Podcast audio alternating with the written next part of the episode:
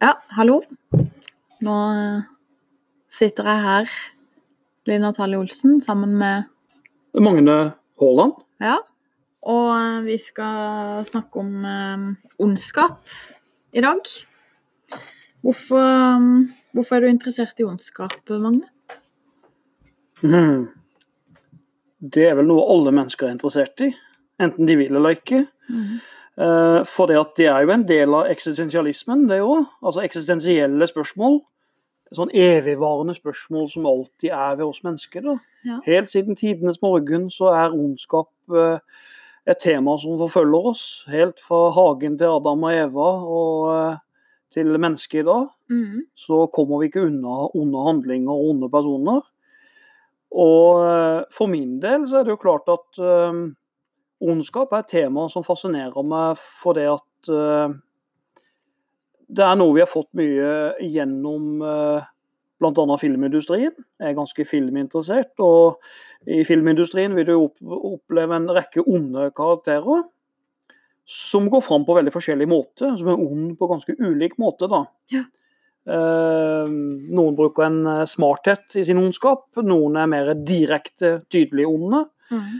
Eh, og eh, og så er det jo klart at ondskap kan jo òg være Nå er jeg jo inne på det med filmindustri. Ondskap er jo òg mye underholdning for mange mennesker.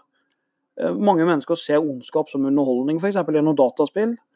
Eh, Så er ondskap òg en underholdende greie, da. Ja, hvis en går på Netflix, på topp, topplista der, så er det jo ekstremt mange dokumentarer om seriemordere. Ja. Folk eh, Mm. trekkes mot det. ja. Folk fascineres. eh, Hvorfor, hvorfor, hvor tror du den fascinasjonen kommer fra, da? Hvis jeg skal prøve å leke litt hobbypsykolog, Ja. så vil jeg nesten si, som Sigmund Freud sier, si meg, hva har skjedd i din barndom? Altså, mennesket er nok litt sånn uh, I dag så er vi så veldig godt eh, skolerte med utdanning, opplysningstida, vi skal være så fornuftige, vi skal være så smarte og flinke. Eh, men underbevisstheten er en helt annen ting, den vi egentlig er. Altså det berømte isfjellet. Du ser et menneske, så ser du dem, men du ser aldri helt hva som er under. Så jeg tror nok en del mennesker er fascinert av, av det ubevisste, det som ligger under oss. Mm. Ondskap kobles jo ofte til de det instinktive, da, Mm. vil noen si. Eh, urkraften er kanskje ondskap. Um, og så, så det er en naturlig del av mennesket som vi ikke liker å være ved. da. Ja, det tenker jeg jo at, at alle har liksom noe i seg. Mm. Og så er det på en måte, hva kan man si, nesten undertrykt, da.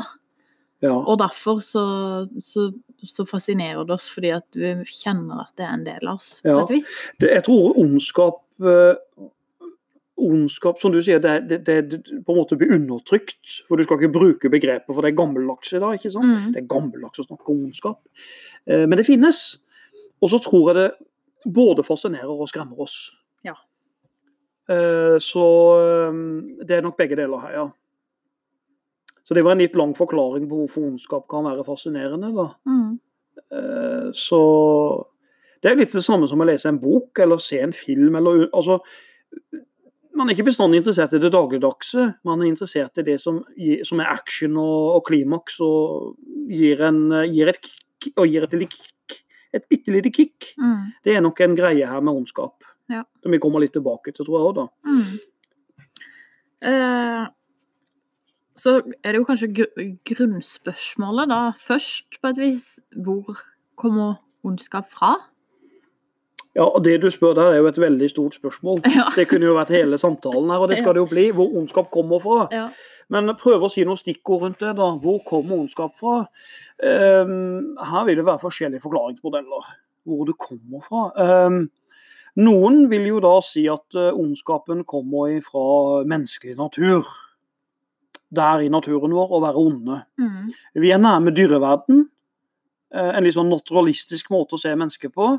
Eh, Da tenker jeg egentlig på filosofen Thomas Hobbes, som sier at hvis mennesker får sjans, så vil vi rive hverandre i fillebiter. Ja. Vi er i en naturtilstand, naturtilstand der det er alles kamp mot alle.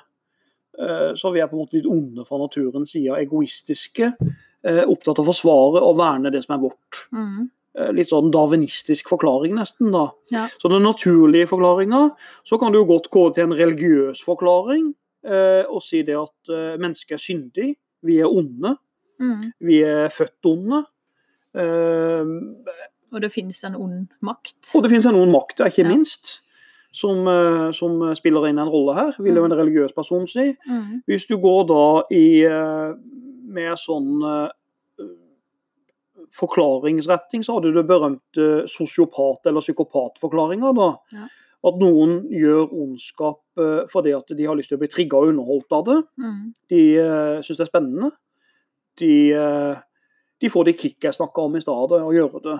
Ja. Eh, og de planlegger det nøye. Angående planlegging så vil du òg ha den instrumentelle ondskapen. Det er et pent begrep, instrumentelt. Men du har jo et instrument, det er det det betyr. En, eh, du bruker ondskap som et instrument for å oppnå noe. Ja. Eh, Da er ikke målet å være ond i seg sjøl, men du bruker ondskap for å få til et mål. For eksempel, et enkelt eksempel kan være en raner. da. En raner som eh, stjeler, som, som tar penger fra noen, vil jo være instrumentelt ondt. Målet er ikke ondskap, målet er pengene, Ja. men handlinga er jo ond. Mm. Eh, Men eh, hvis den raneren da bestemmer seg for å rane, og samtidig f.eks. Eh, myrde eller torturere, da er det en sadistisk handling. Mm. Og Da kommer på neste forklaring, at noen handlinger er sadistiske. Ja. De er sadistisk motivert. Eh, altså det at man nyter å påføre andre smerte. Mm. Noen får en annen form for ondskap. Nå prater jeg mye, du må bare stoppe hvis du har behov for det. Men en annen form for ondskap er den banale ondskapen. Banal ondskap, eller dum ondskap blir det også kalt. Mm. Det betyr en ondskap der du er ond fordi du rett og slett ikke tenker deg om. Ja. Enten vet du ikke bedre, eller du bare lydig og følger din plikt. Mm. Du, eh, du bare gjør som du blir fortalt. En lydig maskin, om du vil. Ja. Så jeg kan gå litt mer i dybden på det etterpå. Så har du en annen form for ondskap òg, som, går på, mm, som går på noe som vi kan si er eh, eh, idealistisk ondskap. Det, da er du en ond person fordi at du virkelig ønsker å oppnå noe godt. Du ønsker det gode så sterkt at det ender opp å bli vondt.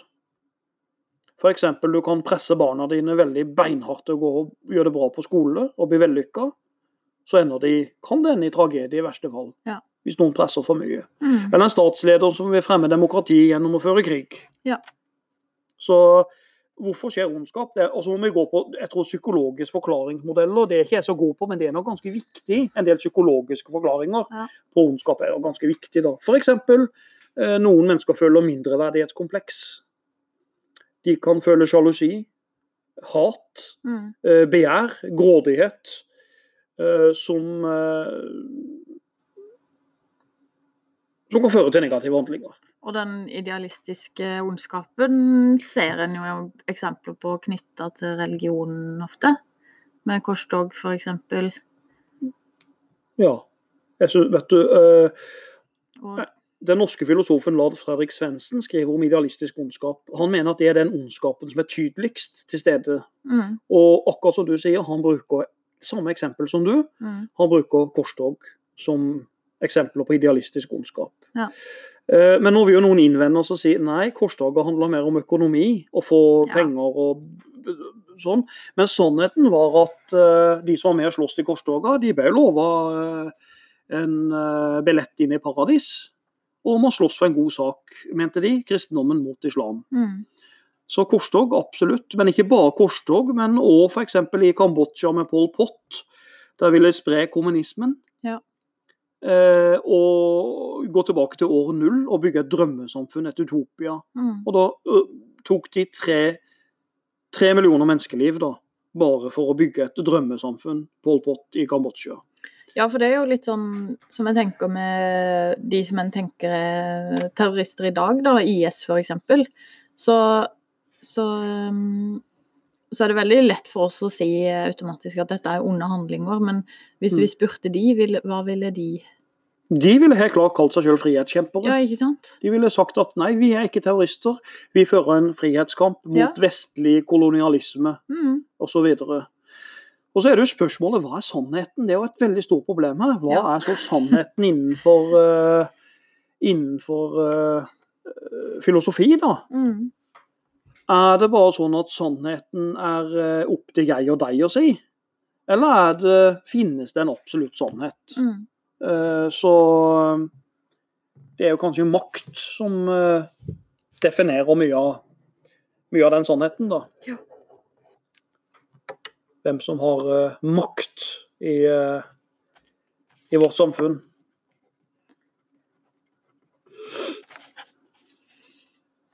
Ja. Eh, Michel Foucault Mm. må vi snakke om i Ja. forbindelse med dette. Når vi snakker om makt, ja, Ja. så er vi inne på han. Foucault er jo en eh, Han var jo en fransk filosof som eh, som Han er jo litt tung å forstå. Jeg brukte en uke på å forstå han sjøl, så skal jeg prøve å forklare han nå på noen få minutter. Men Ja, en uke. ja, Jeg vet ikke om det Mm, vi ta en uke, mye ut. en ukepodkast. Men Foucaults poeng er det at, eh, veldig enkelt sagt, da, han mener det at eh, et samfunn er eh, blir styrt av Det er de som har makt, som definerer sannheten. Mm. Og makta er litt skjult, da. For de kamuflerer makta bak såkalt godhet. F.eks. i vårt samfunn da, så har vi sånn sunnhetsregime. Det skal jo være positivt, folk skal være sunne og ha god helse, Ja. men for mange mennesker kan det ende opp i eh, at de får det veldig vanskelig. Mm. Om ondskap er et begrep å bruke her, kan være litt sterkt. Men uh, hvem er du til å styre over meg, er spørsmålet da. Ja. Ikke sant? Altså, og K forteller jo det at uh, hvem har makt til å definere historien? F.eks. i antikken så var det helt greit å være homofil. Mm. Går du til middelalderen, så var homofili sett på som en ond synd. Og med dødsstraff enkelte steder. Ja. Så hvem er det som har rett til å definere sannheten? Uh, og da bruker FK et begrep som heter diskurser. Mm. Diskurser er at vi har en bestemt måte å prate om ting på. F.eks. Altså, russa i dag, altså dagens russ, da, de eh, sier jo for kødd til meg, så sier de ja, Magne, blir du med og ruller litt, eller? Mm. Ruller litt. Ja, jeg skjønner hva de mener med det, men det er de sin måte å snakke om russetida på. Ja. En diskurs.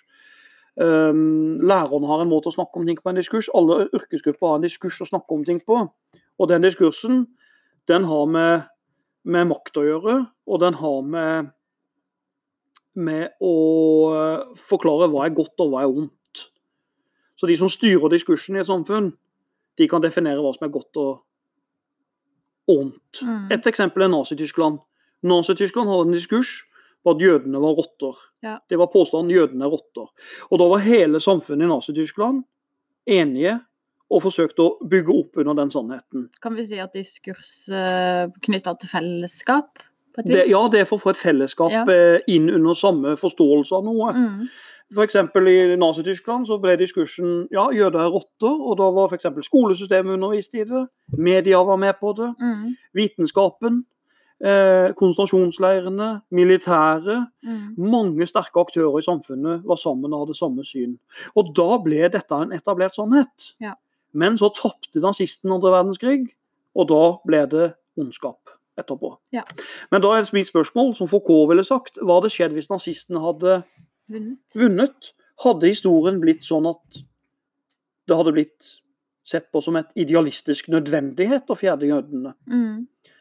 Eh, men siden de tapte, så ble det da eh, definert som ondskap. Selvfølgelig, heldigvis, da. Ja. Men det er uansett et lite interessant poeng. Ja. Hvem er det som har rett til å definere hva som er ondt, og hva som er godt. Og Da må vi huske på at historien endrer hvem som, hvem som er ond, og hvem som er god. også. Hvis vi går tilbake i Norge, så var det jo helt vanlig i Norge en periode å tvangssterilisere samer og tatere. Mm. Det var en god handling. I dag er det sett på som en ond handling. Ja. Eh, Så i dag, så, kanskje om 50 år til, så vil vi si det at vi har vært unge, onde med rusmisbrukere og narkomaner i Norge, Ja. f.eks. Fordi vi har straffa de istedenfor å hjelpe de. Ja, Ja. kan det defineres med noen handling. Mm. Så mitt poeng er at ondskap er ikke en statisk størrelse. Den forandrer seg med tida vi lever i, Mm. hvilke verdier og normer som er her, og hvem som har makta til å definere hva er, hva, er, hva er godt og hva er ondt. Mm. Mm. Er det fordi vi lærer mer, eller? Kanskje det er det for- fordi at vi lærer mer, men òg fordi at eh, det kommer ulike vinnere i historien. Historien går i bølgedaler, da. Hvem som, hvem som vinner, og hvem som taper. Ja. Så um, Ondskap, der ser du ondskap er et, det, det er et vanskelig begrep. Veldig. Så um, Vi snakka jo om kjærlighet eh, for litt siden. ja. Eh, eh, ondskap, fravær av kjærlighet. Det var, det var en eh, interessant måte å tenke på. Enkel, enkel og interessant måte å tenke på, ja. Fravær av kjærlighet, ja. Jeg som er religionslærer, da, tenker vi en sånn buddhistisk retning der. Ja, men da har vi en utfordring med det, da. For det at da må vi stille tilbake spørsmålet hva er kjærlighet egentlig igjen? Ja, da er vi ute og sykler. Ja, vi er ute og sykler langt. ja. For det at det, det noen ser på som kjærlighet og omsorg og godhet, ser andre på som ikke det. mm. Så, så For noen vil jo kanskje si at uh, at uh, Nå drar den langt, da, men eh, kjærlighet mellom en voksen mann og et barn de, Han vil jo definere det som, et, som kjærlighet, mens vi vil definere det som ondskap. ja. ja men eh, du drar det ikke. Jeg syns eksempelet kan være ganske greit, det. altså. Mm. For så vidt. Altså, det men jeg tror nok det at eh, jeg skal ikke ha bare sånne relativistiske, tunge forklaringer. For det at eh, jeg vil bruke litt filosofien til Kant der. At det er noe i vårt samfunn som vi kan si er absolutt sant og sikkert. Ja. Eh, og det kaller jo Kant for sånn Han kaller det for a priori-kunnskap. Mm. A priori det betyr at det er før erfaring. Mm. Du har kunnskap om noe. Du trenger ikke erfare eller se det. For eksempel, jeg syns ikke vi skal bruke tid på å diskutere hvorvidt holocaust er ondt eller ikke ondt. Nei. Holocaust var ondt. Ja. Og det trenger vi ikke å sanse engang. Vi vet at det var vondt. Mm. Eh, Du vet f.eks. at en ungkar er ugift. Det er det kjente utsagnet Kant bruker. Du trenger ikke å gå og se og sanse det. Nei. Det er a priori-kunnskap. Alt annet vil være tull. Så det er noe som eksisterer, uavhengig tid og sted. Ja.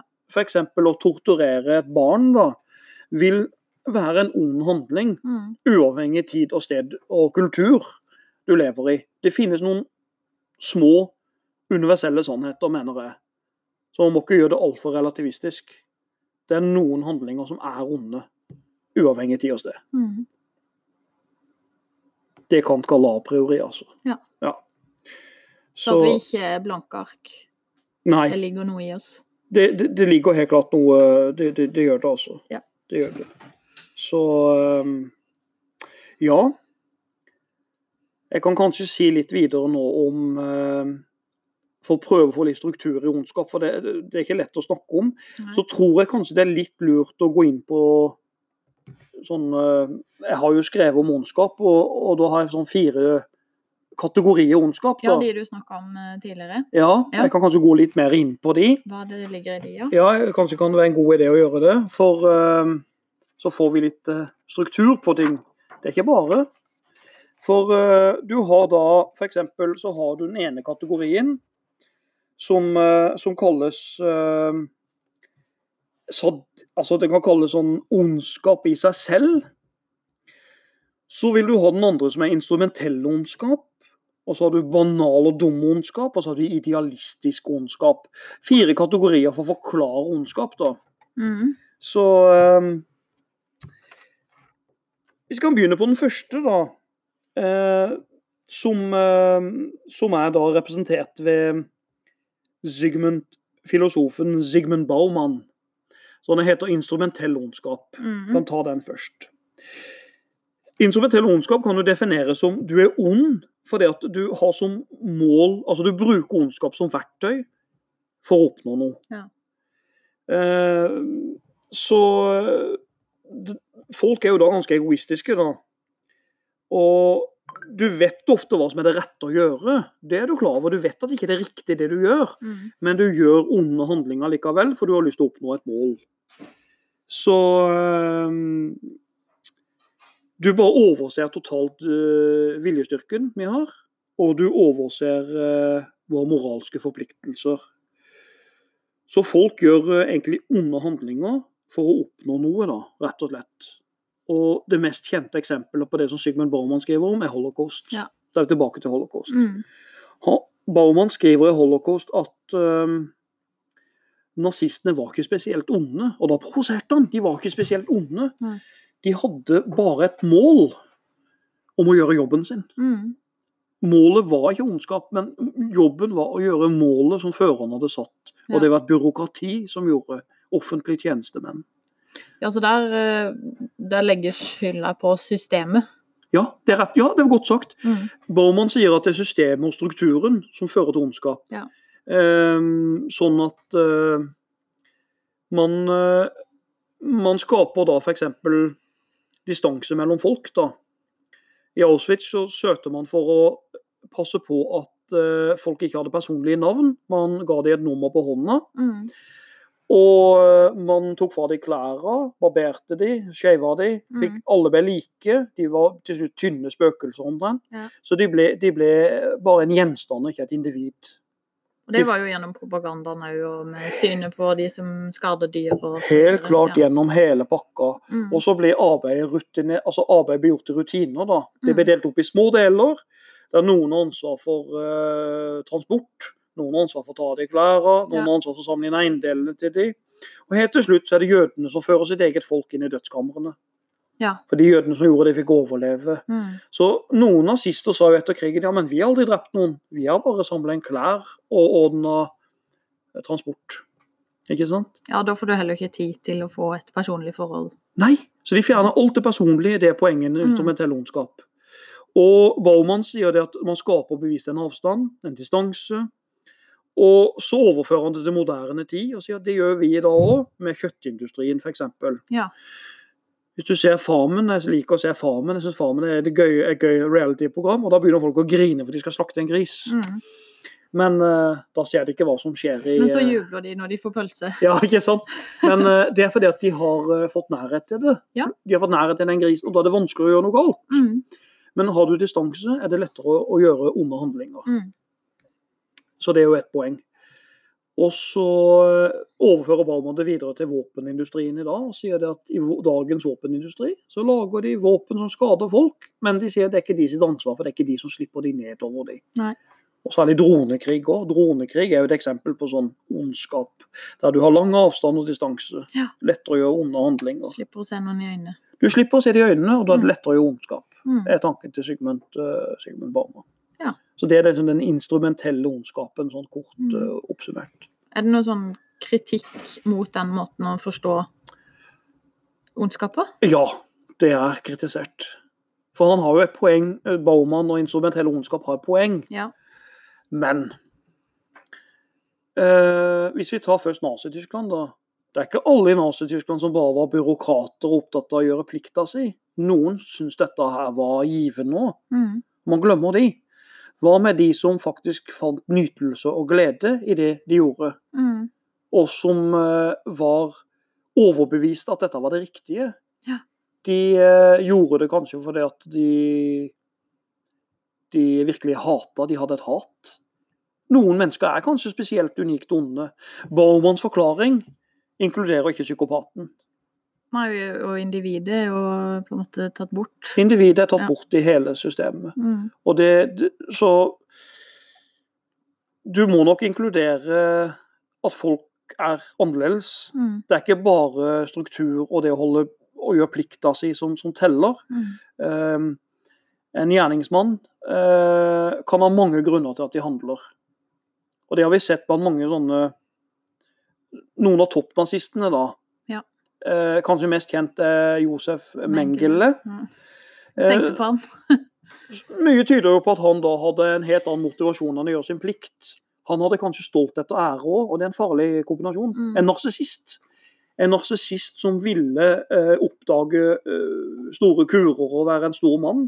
Han hadde et grandiost selvbilde, Ja. som en del overgripere har. Bl.a. tullingen på Utøya Ja. har jo et grandiost selvbilde. Mm.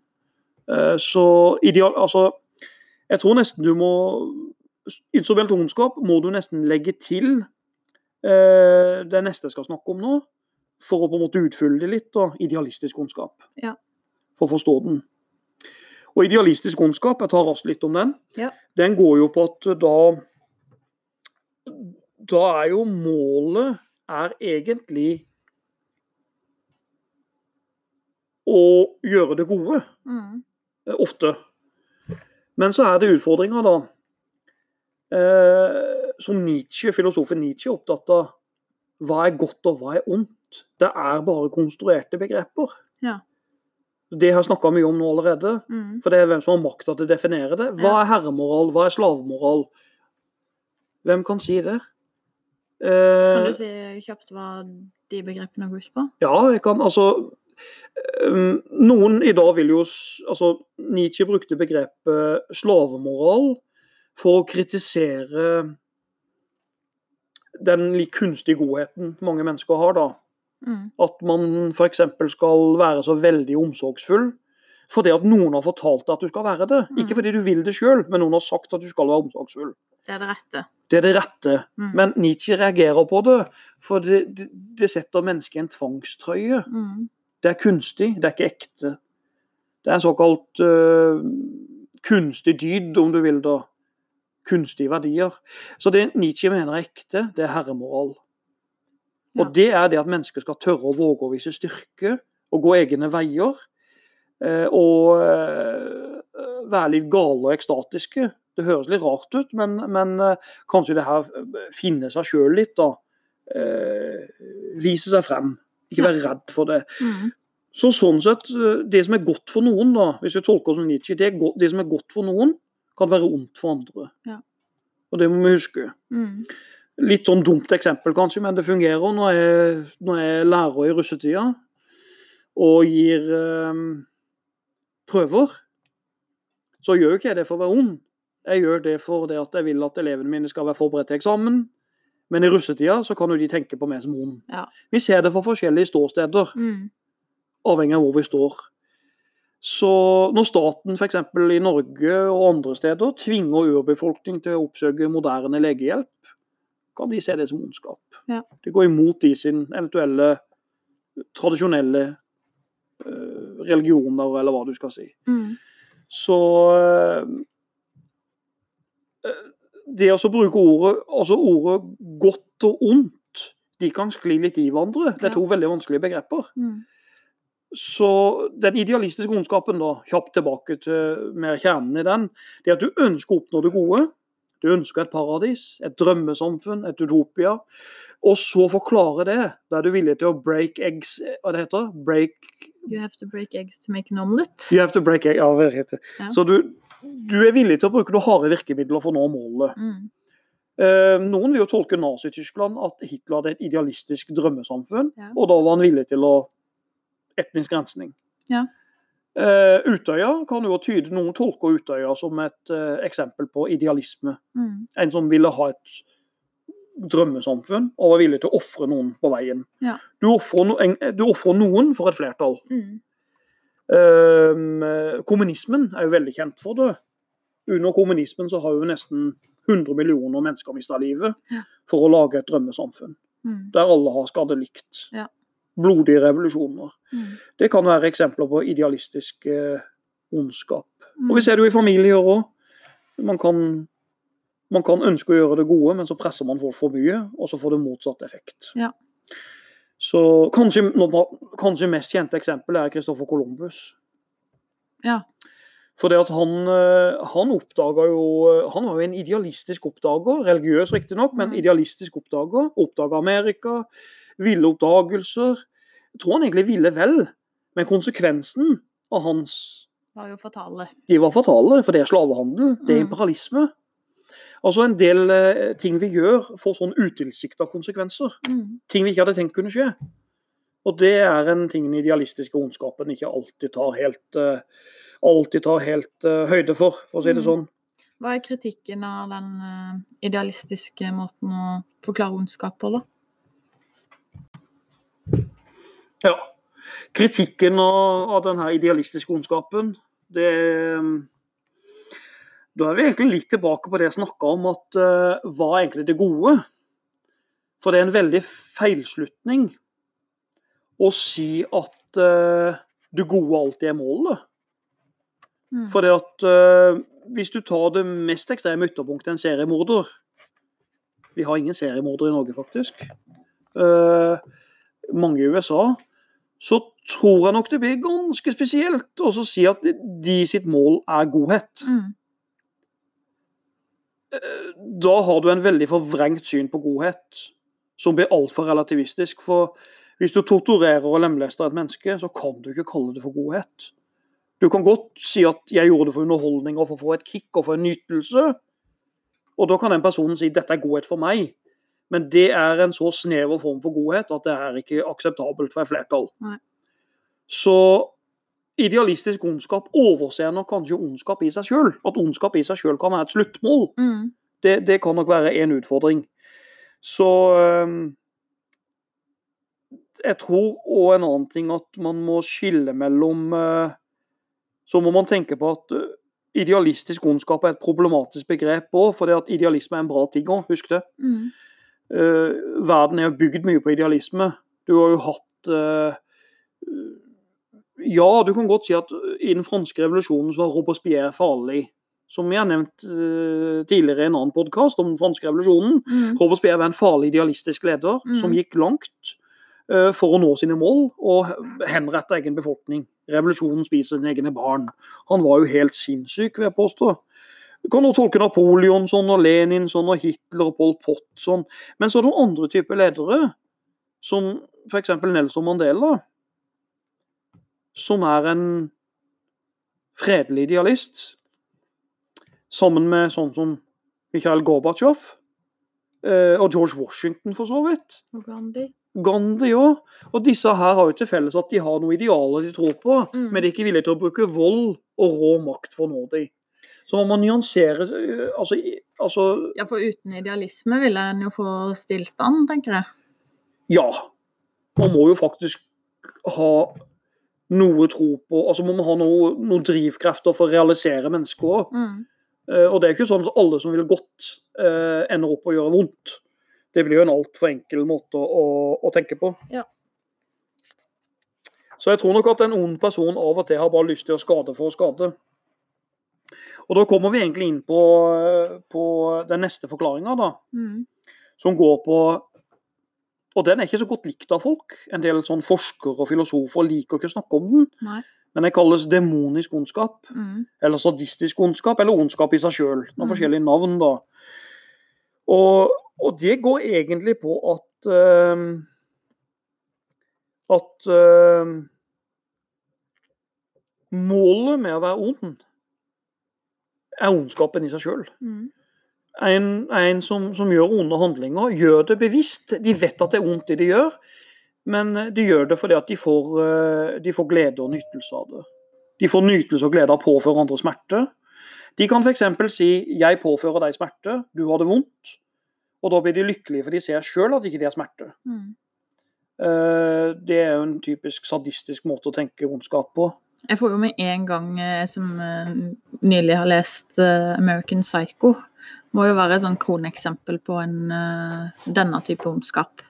Ja, jeg tror du har helt rett i det. Han Bateman, er det ikke det han heter? Jo. Patrick Bateman. Ja. Han er nok ganske nærme den kategorien eh, sadistisk ondskap. Ja. Og det spesielle med han, han er interessant, for han har jo alt i livet. Mm. Han har penger, han har utseende, han har makt. Han er en vellykka person. Tar, uh, tar vel 500 situps hver morgen. Holder seg i bra Ja, vel form. så det. Vel så det, Ja. hvis ikke mer. Han har damer. Han kan få, men hvorfor gjør han det? Hva er forklaringa? Mm. Jo, sannsynligvis, da. Han lever i en overfladisk verden med kapitalisme. Ingenting skjer. Han kjeder seg. Han har ikke noen utfordringer. Han søker kick, han søker spenning. Mm. Og jeg tror veldig mye av ondskapen ligger i rett og slett menneskets kjedsomhet. Ja. Mennesker som kjeder seg, mennesker som har lite å gå opp i i livet. Mennesker som har alt og trenger spenning. Mm. De trenger å kjenne på at de lever. Og folk har forskjellige måter å gjøre det på. Noen trener. Noen øh, Hopper i fallskjerm. hopper i fallskjerm og får kick. Og noen går på skyteklubber, noen drar på feriereiser. Og noen utøver faktisk, øh, faktisk ondskap. Så øh, Det var egentlig en liten historie her om, som jeg vil bare trekke inn om ondskap i seg sjøl. Om en om en, øh, om en gruppe unger som hadde fått, en, øh, en sånn, øh, fått et gevær som et sånn, det heter, luft, luftgevær Mm. som gave. Som jeg leste, og så tok de med det luftgeværet ut i skogen. Faren hadde gitt dem beskjed de kun skulle skyte på blikkbokser. og sånn skyte på ting som ikke var levende, da. Men hva gjorde de to guttene? To gutter og en jente var det her. De eh, skjøt på en, eh, på en eh, sleve. Og de gikk så nærme og skjøt han, helt til blodet begynte å piple ut av den. Mm. Så de skjøt den sleva til døde. Ja. Og så er det jo da spørsmålet, da. Hvorfor gjorde de det? Hvorfor i all verden skulle de gjøre det? De hadde ikke gjort de noe. Nei. Du kan jo gå og søke en sånn kulturell forklaring. Jo jo, det har med syndefall og slangen i paradiset å Ja, gjøre. og og... slangens framstilling Ja, ja, ja. eh. Men i bunn og grunn så tror jeg egentlig, når barn gjør sånn, så tror jeg det handler om at de, de ser det som en leik og underholdning og spenning og kick. Ja. Og det er en del av mennesket som ikke vi må undervurdere. Mennesket er spenningssøkende. Vi søker etter kick av og til. og det ser vi jo i hele historien nå. Hvis vi går til Romerriket, mm. så kommer jo folk for å se gladiatorkamper der de slår hverandre halvt i hæl og jubler. Den tids fotballkamper. Ja, og det var jo en måte å på en måte slå ned protester på, fordi at eh, hvis de kjeda seg, så hadde de tid til å tenke på det i stedet. Absolutt. Så det er en måte å Og vi ser jo det i uh, Med en distraksjon, egentlig. Ja, og så kan vi se det i sånn offentlige henrettelser òg. Folk kommer og ser i forskjellige franske revolusjoner som jeg nevnt tidligere. Så Mm. kommer folk og- får se og juble når hodene ruller. Det er underholdning for folk. Ja. Eh, Midtøsten gjør de dette her eh, fremdeles. Eh, og i dag er jo dette overført til dataspill. da. Mm. Den gamle formen for underholdning er i dag overført til dataspill. Ja. Og folk som, Det er jo masse videoer av folk som skader seg på YouTube og sånn, og noen liker, å- liker å se sånne ting. Ja, og på eh, dark web så betaler en jo penger for å se forferdelige handlinger. De gjør det. de gjør det. Mm. Så, så er det jo klart det at uh, Dette her er jo uh, en litt sånn skummel form for ondskap, tenker jeg. da. Mm. For hvis den spores tilbake til menneskelig natur, da har vi et problem. Mm. Og det tror jeg nok den delvis gjør. For det at øh, mennesker kan jo være litt like dyr. Vi er jo et dyr, Mm. men bare vi har utvikla litt mer språk og litt mer intelligens. Mm. Eh, Men det ligger noe instinktivt i oss at vi kan være ganske farlige med, med hverandre. Mm. For å si Det sånn, det er ikke bare løvene som leker med sitt bytte, det er òg mennesker som gjør det av og til. Ja.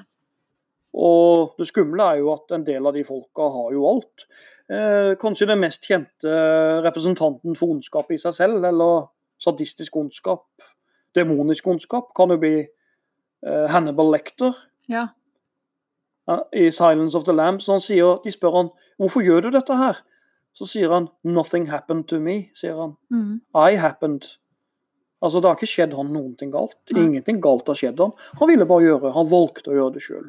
ja, for det er jo her i denne kategorien vi finner de kjente seriemorderne, tenker jeg. Ja, Ja. du gjør det. Og her finner du sånn som uh, Ted Bundy gjør, Mm. f.eks. Og det var veldig overraskende at Ted Bundy kunne bli sånn en uh, svær eh, seriemorder som han ble. For det at han hadde jo en veldig bra oppvekst. Religiøst godt hjem. Han var pen. Godt utdanna, etter hvert i juss. Uh, og ingen hadde forventa at han kunne gjøre det han gjorde, og lemleste damer. Mm. Men eh, det gjorde han. Eh, og hvorfor gjorde han det, da? Og så svarer han akkurat det samme som omtrent Hannibal Lecter gjorde det. Han valgte det sjøl. Mm. Og da er vi tilbake litt i filosofien. Man skal ikke forklare alt med samfunnet. Det er ikke samfunnet som har skylda bestandig. Nei. Det er individet som rett og slett bare tar valg. Altså igjen, Sartre, jeg har lært om Sartre i eksistensialisme. Av og til gjør bare mennesket et valg. Og det er helt uavhengig fattigdom og familiebakgrunn. Folk tar et valg Mm. og velger å bli den de blir, er noe Mm. de gjør sjøl. Ja. Så eh, ja. Er det noen kritikk av denne formen for å beskrive ondskap? Ja, det er, jo en, det er jo en litt for enkel form på en måte å beskrive ondskap på. For det er flere kritikker mot den. For det første så kan det jo lett bli en sånn Ja. Hollywood-myteondskap. Et monster? Et monster. Movie, altså det, det- det er monstrene. Og det er veldig få overgripere som er sånn ondskap i seg sjøl. Mm. De fleste som begår en ond handling, har et motiv. Ja. Eh, de har kanskje hatt det dårlig hjemme. Eller, altså, det er et motiv. Eh, så det kan være litt sånn konstruert, skapt, kunstig skapt Hollywood-myte. Og så eh, tror jeg nok på en måte at litt av problemet med den forklaringa her er at Hvorfor gjorde den mannen sånn, eksempel, Vi tar et eksempel. En, en fyr som banker en hund. Eller Mm. en som rett og slett banker kona si. Hvorfor gjorde han det? Da er det veldig lett å si han er ond. Ja. Han gjorde det fordi han er ond. Mm. Altså, Når du ikke finner en forklaring på ting, så kan du fylle tomrommet med ondskap. Ja. Filosofisk sett. Du reduserer uh, mennesket. Ja, Litt sånn som noen gjør med Gud òg. Finner de ikke forklaring på ting, så fulgte de ofte inn Gud før. Ja. Mange følger òg inn ondskap. da. Mm. Hvorfor gjør de det? Jo, de må være onde. Mm. Det er kanskje litt for enkel forklaring. Og så er det jo ondskap er jo en hersketeknikk, ikke glem det. Det er veldig lett å si hvis ikke du liker noen, så kan du si de er fulle av faen. Mm. Gud, for noen onde mennesker. Mm. Vi er de gode. Så det er veldig lett å sette, bruke ondskap som merkelapp på noen. Ja. Eh, som, eh, som man så, eh, så sånn sett er det eh, Og så tror jeg samtidig, da jeg skal ta neste kritikk, er at det onde At det onde skal ha et mål i seg sjøl. Det kan jo være et litt tynt argument, for det er en del som gjør onde handlinger. De tenker seg ikke om. Nei. Altså, En som gjør sadistisk ondskap, de tenker. Ja. De tenker på dette her, det er planlagt og kalkulert. Mm. Men jeg tror en del som gjør onde handlinger, de bare gjør det uten å tenke seg om. Er du da over på den banale Ja. Ja. Skal vi ta litt om den? Ja. Vi tar den banale ondskapen. Banal det betyr jo at du er overfladisk og litt enkel. da. Ja, for det er jo banalt. Det er jo sånne ord som man bruker egentlig ganske mye. Det er det verste jeg vet. Banale mennesker. Overfladisk. Mm. Fint vær i dag, Linn, Ja. men det blir finere i morgen. Ja. Det, er så, det, det er tomt og innholdsløst. Det er jo det. ja Det er sånn det er der det. eh, Det er bedre å møte de menneskene som er eh, litt, ekte, litt mer ekte, og som tør å si noe med innhold. Mm. Så kan du trå feil av og til, men dæven er gøy med folk som tør å ta sjanser. Men eh, den banale ondskapen er jo en eh, helt annen forklaring. Det er jo egentlig da jeg spurte Hanne Arendt, som er veldig kjent. Mm. Den jødiske Hanne Arendt overlevde jo og rømte jo fra Nazi-Tyskland. Slo seg ned i USA. Og så tok Hanne Arendt og skrev en berømt artikkel som het Eichmann, Adolf Eichmann i Jerusalem. Ja. Og den ble senere ut i bok. Og i den boka så tok Hanne Arendt et kraftig oppgjør med alle tidligere former for ondskap. Der eh, man har ofte sett nazistene som monstre, uhyrer, eh, psykopater, om du vil. Mm. Og så skriver så Arendt fant ut noe helt annet når hun observerte rettssaken med Adolf Eichmann. Denne her eh, oberst, eh, obersten da, som hadde leda transporten av jøder til Auschwitz. Ja. Han var ansvarlig for en million menneskers død. Han hadde leda godstoga med folk. I rettssaken så forventa jo Hanne Arendt et monster. Men når Eichmann kom, så var det en bitte liten mann med runde briller, skalla, gjennomsnittlig. På alle måter gjennomsnittlig. Mm. Han snakka gjennomsnittlig. Han var helt gjennomsnittlig intelligens, sier de. En vanlig mann. Han, han, var, han var hvem som helst i gata. Du Ja. hadde ikke reagert. Han var ikke noen sig heil nazimonster. Så eh, da kom Hanne Arendt opp med teorien om at ondskapen er banal, og ondskapen begås av vanlige mennesker. Mm. Det er ikke uhyrer, med mest vanlige mennesker som begår ondskap. Helt motsatt er den sadistiske forklaringa. Ja. Og eh, problemet med Eichmann, skriver Hanne Arendt, Eichmann fulgte ordre. Ja. Derfor, han, fulgte, han var pliktetisk, han fulgte ordre, hva han fikk beskjed om av føreren, og tenkte ikke sjøl. Som hun skriver, han var en doer, not a thinker. Mm. Så problemet med Adolf Eichmann var at han tenkte aldri, han stoppa aldri opp og tenkte hva han gjorde. Han bare gjorde hva han fikk beskjed om. Og eh, sånn sett ble han ansvarlig for å være en av de største massemorderne i historien, selv om han aldri sjøl tok noe liv direkte. Nei. Og kanskje ikke så på seg sjøl som en massemorder. Nei. Han mente når han ble satt i retten i Jerusalem at han var helt uskyldig. Han sa følgende Jeg er bare et hjul i et maskineri Mm. som gjorde jobben min, sa han. Ja. Men det holdt ikke. Ikke sant? For han hadde begått store forbrytelser mot, uh, mot menneskeheten, denne Adolf Eichmann. Men Ja. Hva er kritikken av denne kritikken av den måten å tenke ondskap på um, Hanne Arendt er veldig anerkjent. Jeg personlig jeg liker ikke Hanne Arendts tanker om ondskap. Nei. Jeg syns det, det er nesten skremmende enkelt. mm. Sier jeg min mening. Ja. Det trenger ikke være riktig, da.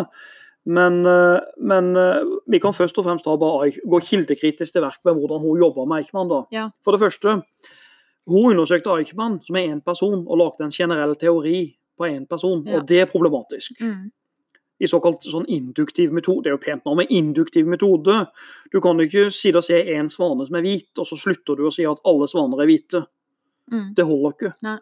Du, eh, så Eichmann Dessuten var jo Eichmann Sannsynligvis så tilpassa Eichmann seg hva han sa i rettssaken. Ja.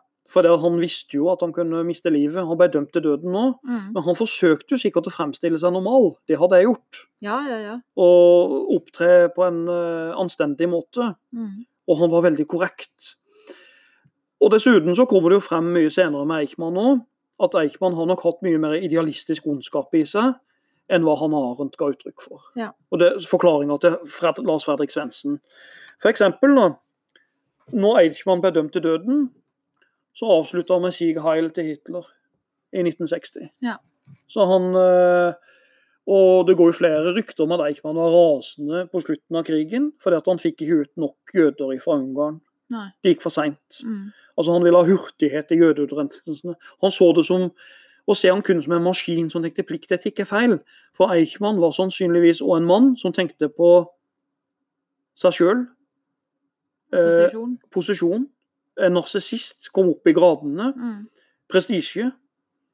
Eh, være dyktig, få belønning. Mm. Kanskje instrumentell ondskap, ikke sant, som vi snakka snakket om tidligere. Han brukte denne jobben til å stige gradene. Så instrumentell ondskap, noe idealistisk ondskap. Å si at han bare er banal, det, det mener jeg ikke holder. Og Dessuten er det jo mange overgripere, altså overgripere i dag. De vet jo veldig godt hva de gjør. Så han har en tanke om at uh, tilgi de, de vet ikke hva de gjør, de følger bare sin plikt. Uh, det holder ikke, da. Blir, det, eh, blir det ikke en sånn vanvittig ansvarsfraskrivelse i den måten å Det er min umiddelbare reaksjon. Jo, det ble jo han Arendt kritisert for, men det er jo på akkurat det hun ikke mener. da. Det, han Arendts poeng, for å forsvare henne litt òg, da. Det hun sier, er jo at det viktigste for å unngå ondskap, det er at folk tenker. Ja. Tanken. Så hun er veldig opptatt av at uh, du begår onde handlinger hvis ikke du tenker. Du Ja. må tenke, stopp opp og tenk, for det er det unike ved mennesket. Ja. Vi har evnen til å tenke. Og da er jo egentlig på samme nivå med so filosofen Sokrates Mm. som sier det at ondskap i seg sjøl eksisterer egentlig ikke. Det er bare folk som har misforstått hva det gode er. Ja. Noe jeg selvfølgelig ikke er enig i, da. Jeg syns ikke det er riktig, men, eh, men man, man har ikke nok kunnskap, da. Det er det såkalt poenget. Ja. Man har ikke nok kunnskap om Folk mener ikke f.eks. å være usunne, men de har ikke nok kunnskap om hva god helse er. Problemet med den måten å tenke på, er at mennesker er ja, de er fornuftige, men vi befinner oss også i følelsesverden. Ja. Fordi at eh, de fleste vet jo nå hva som skal til for å være sunn, f.eks. de gjør det. Ja. Det gjør de. Og han og Arendt overser jo fullstendig at mennesket er følelsesbasert. Så det Eichmann mangla, var ikke bare evnen til å tenke. Han mangla òg evnen til å ha medfølelse til andre mennesker. Mm. Og det er det unike menneskelige. da. De tenker er det største skal jeg si, største, hin, største for å stoppe ondskap, det at vi evner å tenke. At vi evner å tenke og kombinere det med evnen til å føle med noen. Du vet jo det, Lina, at hvis noen griner og har det vondt, så vil de fleste av oss òg få litt vondt. Ja. For vi har evnen til å identifisere oss med andre mennesker. Mm. Og det ligger jo i naturen vår. For går du til naturen, så er vi både gode og onde. Vi er nok begge deler. For naturen har utstyrt oss med en sånn alturisme, evnen til å ha omsorg. Men nå utstyrt utstyrt oss med evnen til å ville overleve. Så vi er nok sånn begge deler fra naturens side. Ja. Sannsynligvis. Sånn som vi starta med å snakke om hvorfor vi er fascinert av ondskap. Det Ja. ligger litt i oss. Ja, for, for det er jo helt klart at uh, når du snakker om det gode, som vi snakker om i Kjærlighet-podkasten, så, så, så vil jo mennesker og dyr gå ganske langt for å beskytte det som er nær en. Mm. Og det, det vil jeg si du kan se det som en egoistisk handling. Dawkins the selfish gene. Mm. At man beskytter sine egne gener, altså man, eller at man beskytter bare sitt eget avkom. Men i bunn og grunn så er konsekvensen en god handling. Ja. Det er jo det. Men den kan være vond handling for de som er på utsida. Ikke sant? Der, der det gode og det onde, det, det går litt i hverandre. da. Ja. Det går litt i hverandre. Så eh, Det er et sånn eh, Kan man kalle det et paradoks, eller et eh, problem som ofte engasjerer eh, når eh, jeg underviser i religion. Mm. Det ondes problem. Ja. Det ondes problem. Ja. For eh, det er knytta til religion, da. Hvis det finnes en allmektig, god gud, hvorfor finnes det da ondskap? Ja, det, det er en, en klassiker. Det er en klassiker. Da er kaffekoppen tom, søren. Ja. Jeg må, må, jeg må snart ha mer. Men, men øh,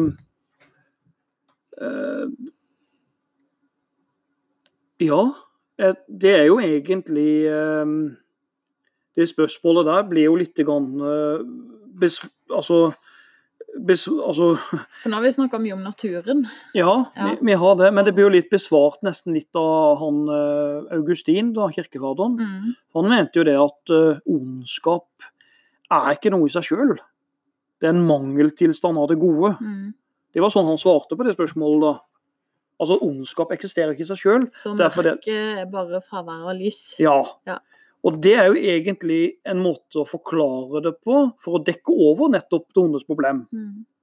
Uh, For det er jo klart at det er en utfordring, for er Gud allmektig, så burde vi ikke hatt ondskap. Og, men så vil jo da en uh, religiøs person si da at uh, jo, vi har ondskap fordi at mennesker har fått fri vilje. Mm. Så vi kan sjøl ta valg, da. Uh, og de valgene vi gjør, kan være vi kan velge mellom det gode og det onde, akkurat som i den her eh, Edens hage. Da. Ja. da kan man velge om å ta det eplet eller ikke ta det eplet. Mm. Så Men det interessante Augustin nå skriver, Augustin skriver faktisk om eplet når han, uh, før han ble en god Eller frukten. Frykten, ja. ja frykt. Frukten. Frykten. Altså, man skal si frukten. Ikke, ikke det du er redd for, men den du spiser. Ja, frukten. Ja. For det står vel aldri at det er et eple. Nei, gjør kanskje ikke det. Nei. Kranglefant. Kanskje det var banan? Det er Ja. ikke så gøy, da. Men poenget Augustin skriver faktisk en interessant ting om ondskap. Han. Mm. For han sier jo litt imot seg sjøl i noe som heter 'Confessions'. som han skriver. Da forteller Augustin at han var på epleslang. Det var liksom det råeste han gjorde da. Ja. Tørre type. Det er. Ja, det var harde tak. Men det han gjorde, han gikk på epleslang. Og så, og så skrev han hvorfor han tok de, stjal de eplene. Han tok eplene og så kasta de til noen griser. Ja. Og så skriver han jeg tror han tok ikke eplene fordi han hadde lyst på dem, for å spise dem sjøl. Han tok dem fordi han hadde lyst til å gjøre noe galt. Mm. Er ikke den interessant? Jo. Og så sitter fyren og sier at det onde ikke finnes i seg sjøl. Ja. Hvis fanken finnes det. Han, han sa det jo sjøl der. Mm. Altså var lysten til å gjøre noe vondt.